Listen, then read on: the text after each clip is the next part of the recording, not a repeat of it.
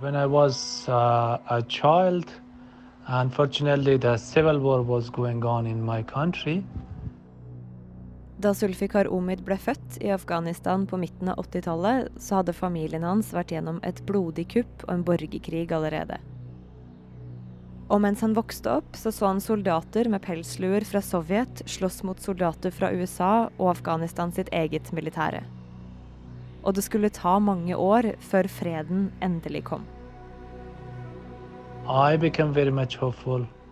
I thought the uh, war uh, is stopped, then we will have a better Afghanistan, a be better future.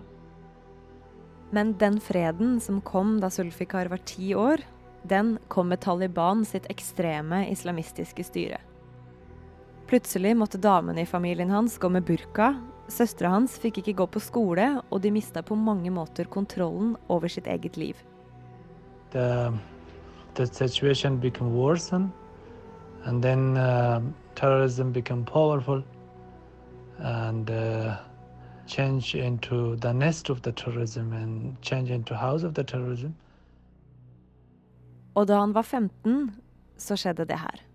The is exploding right now. You got people running up the street. Okay. Hold on, I'll tell you what's going on.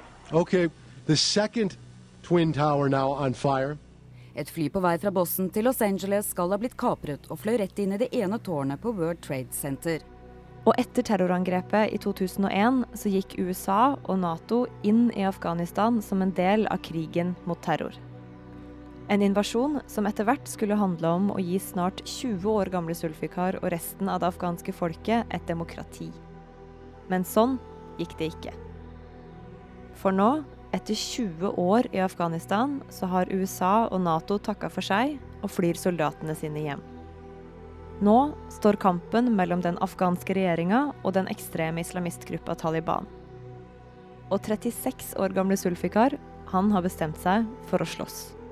We try and uh, to have a country without war and without uh, terrorism. Du hører på Forklart fra Aftenposten. Jeg heter Anne Lindholm, og i dag er det torsdag 12. august. I hjertet av Afghanistan, på en fjelltopp, der sitter Zulfikar Omid med 5000 væpnede menn. De er medlemmer av hans uh, gerilja her, og har rett og slett meldt seg frivillige til å slåss mot Taliban. Så der sitter de væpnet og venter på neste, neste slag. Gina Grieg Risnes er journalist i Aftenposten og har snakka en del med Sulfikar Omid. Han er jo en, eh, en ung mann. Han er eh, i midten av 30-årene. Eh, når han går rundt på fjelltoppen, så er det gjerne i en eh, lang blazer og solbriller og palestinaskjerf. Men hvorfor har han lagd en egen gerilja her? Jo, for nå er det fullstendig kaos i Afghanistan, og situasjonen har blitt verre enn noensinne. Det, I våre så ble det kjent at uh, USA og Nato-styrkene de trekker seg ut av Afghanistan etter 20 år med krigføring. Our military mission in Afghanistan will conclude on August 31st. The drawdown is proceeding in a secure and orderly way, prioritizing the safety of our troops as they depart. Uh, we went to Afghanistan to deliver justice to those who attacked us on September 11th, to disrupt terrorists seeking to use Afghanistan as a safe haven. It's time for American troops to get home. Altså, dette har vært en debatt i flere år. Det har lenge vært kjent at uh, krigen i Afghanistan har kostet USA enorme ressurser. Vi snakker en prislapp på over, uh, over 900 milliarder dollar. Uh, og så i fjor, da satt uh, Trump foten ned uh, for alvor og sa at alle styrkene de skulle ut. Så hva har skjedd da nå som USA og Nato har trekket tilbake flere og flere av styrkene sine? Jo, for en ting som gjensto etter at dette ble kjent, var jo at Taliban og den afghanske regjeringen de måtte komme til enighet. Så de har sittet i Qatar og prøvd å komme fram til en fredsavtale. Det har vært lettere sagt enn gjort, og har så langt ikke funket. Selv om Taliban sitter i Qatar og, og, forhandler med den afghanske regjeringen, og snakker om at de vil komme til en avtale, så gjør de noe helt annet på bakken. Situasjonen i Afghanistan blir stadig mer alvorlig. Taliban er på fremmarsj, og Utenriksdepartementet ber nå alle nordmenn i Afghanistan om å forlate landet. Der har de ført en massiv eh, militær offensiv. Eh, tatt over eh, store landområder. Eh, og i disse slagene så har over 2000 sivile mennesker blitt drept. Over 4000 medlemmer av sikkerhetsstyrkene. Så Taliban de tar seg militært og brutalt gjennom landet. Men det er ikke bare med våpen at de kjemper om kontroll over det afghanske folket.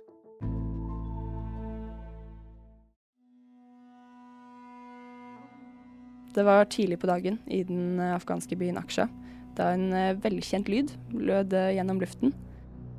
En slags sånn statisk skurring. Det er den som kommer fra høyttaleren fra den lokale moskeen, da den skal be folk komme til bønn. Men noe var galt. For det første så var det ikke bønnetid.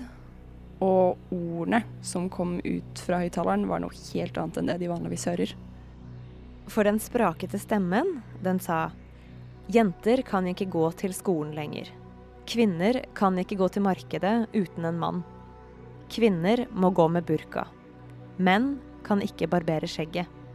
Taliban styrer nå denne byen. Men Aksha er ikke den eneste. Den siste uka så har Taliban sagt at by etter by har blitt deres. For der USA og Nato-styrkene har gått ut, har Taliban gått inn. Det startet i de mindre landsbyene. Eh, ganske raskt så tok Taliban over eh, flere og flere av dem. Kjørende inn på pickuper med maskingevær, så har de sørga for at det var gatene, hagene og hjemmene til folk som ble slagmarken i kampen om makta i Afghanistan. Men det var ikke nok, siden selv om de fikk tak i disse landsbyene, så gir ikke det noe reelt maktsete. Så da måtte de gå etter provinshovedstadene. Og det har de fått til den siste uken. Så de har tatt over åtte provinshovedstader på bare fem dager. Så hvor mye av Afghanistan er under Taliban sin kontroll nå, da? Altså, det er litt uh, omdiskutert, men det Taliban selv sier, er at de kontrollerer 85 Og så skal man ta det med en klype salt, men den afghanske regjeringen har ikke sagt at det ikke stemmer. Så da blir det deres ord det står og faller på. Så det, det er trygt å anta at de kontrollerer store deler av Afghanistan i praksis, egentlig? Ja. Men hva gjør myndighetene med det, da? Hva gjør regjeringen eh, i Afghanistan? Jo, de prøver å mobilisere seg militært så godt de bare kan. Og USA har kommet, tatt et lite steg tilbake og hjulpet dem med, med, bombing fra luften. Men akkurat nå så er det jo Taliban som er overlegne militært. Men uh, den afghanske regjeringen prøver å endre det. Uh, så derfor har de sittet og snakket med bl.a. Zulfikar uh, om å samarbeide mer nå med sikkerhetsstyrkene og disse geriljahærene.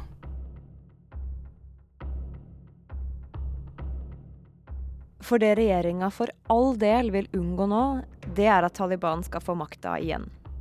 For de frykter at det enda en gang vil bety strenge sharialover og et kvinneundertrykkende islamistisk samfunn. Men åssen det kan bli, det kommer an på hva slags organisasjon Taliban egentlig er nå. Det er et veldig godt spørsmål, og svaret er ikke, ikke helt klart. Eh, for selv insisterer jo de på at det, at de ikke er det samme i dag som de var på, på 90-tallet og starten av 2000-tallet det vi husker fra, fra, den tiden, var jo at de uh, hadde en, en, en, helt ekstrem linje, eh, hvor uh, kvinner ikke fikk gå på skolen og fikk ikke gå på markedet uten menn. Hvis de gjorde det, så ble de halshugget eller de ble skutt. og Det var ikke måte på. Så nå har de jobbet hardt for å endre det imaget, da. Ved f.eks. å gjøre seg mer folkelige. vi hadde en hendelse i fjor hvor de skulle hjelpe en familie med å finne sønnen deres da han hadde blitt, blitt kidnappet. Eh, så de kom på banen etter at lokale myndigheter ikke klarte å finne ham. Det skulle være litt sånn en slags reddende engel, da. Så de prøver å framstå mer som noen som klarer å holde orden og hjelpe folk, istedenfor å bare være et totalitært styre, da? Ja, de vil gjerne gi inntrykk av at det, de punktene den afghanske regjeringen ikke helt har lykkes på, det kan de ordne og rydde opp i. Men er det sant? Altså Hvis de nå fortsatt tar over byer med beskjeden kvinner kan ikke gå på markedet uten menn, og man kan ikke barbere skjegget sitt, er det sant at de er blitt en annen organisasjon? Det fremstår jo ikke sånn. Det er snakk om at de sier én ting, og så gjør de det stikk motsatte. Altså Vanligvis har de vært ganske flinke på å flinke på i måten de, de fronter seg, og hvilket image de lager.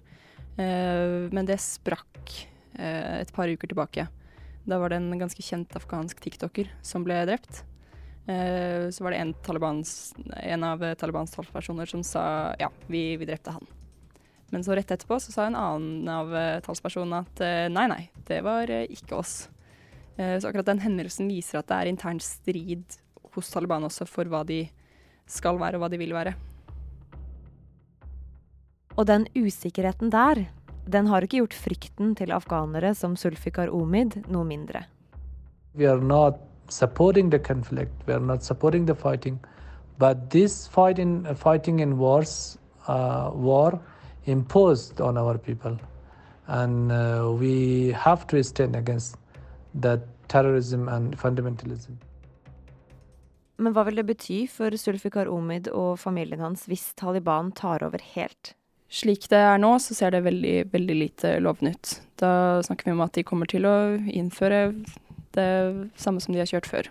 At uh, kvinner ikke får gå på markedet alene, og at de, de ikke får gå på skole. Og at det rett og slett blir et terrorregime på nytt. Så nå, etter at regjeringa ikke egentlig har syntes noe særlig om at det har vært flere geriljahærer i fjellene som slåss mot Taliban på eget initiativ, så har de snudd. Nå har de gitt Sulfikar Omid og de andre beskjed om at de kan kjøre på.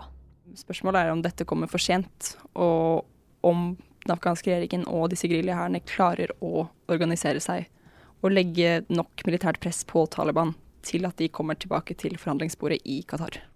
Ja, for det er fredsforhandlinger regjeringa ser på som den beste løsninga nå? Ja, de har selv sagt at de tror ikke på en militær løsning på konflikten.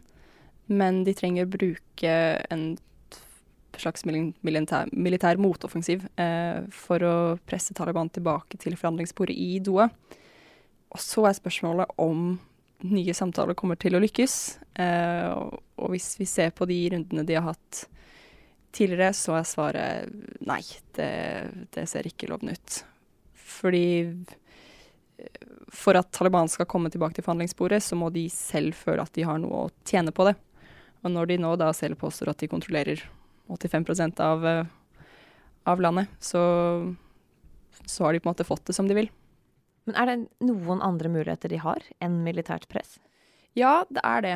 Fordi vi vet at det har blitt og er viktig for Taliban å ha samarbeid med eh, hjelpeorganisasjoner.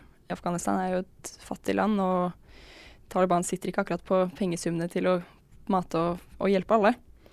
Så, så, det kan definitivt bli en insentiv for Taliban til å fortsette en slags form for samtaler. Så hva vil skje framover med Afghanistan, og ikke minst med det afghanske folket? Det er usikkert, men det vi vet er at Afghanistan nå går inn i en ekstremt turbulent uh, periode. Det er veldig mange av uh, de sivile som febrilsk prøver å skaffe seg visum til andre land, og flykter uh, fordi de er sikre på at det nå kommer til å bli full borgerkrig. Men om det skjer, og hvordan det eventuelt vil se ut, det får vi vente og se. I hope for a better future and also I try for a better future.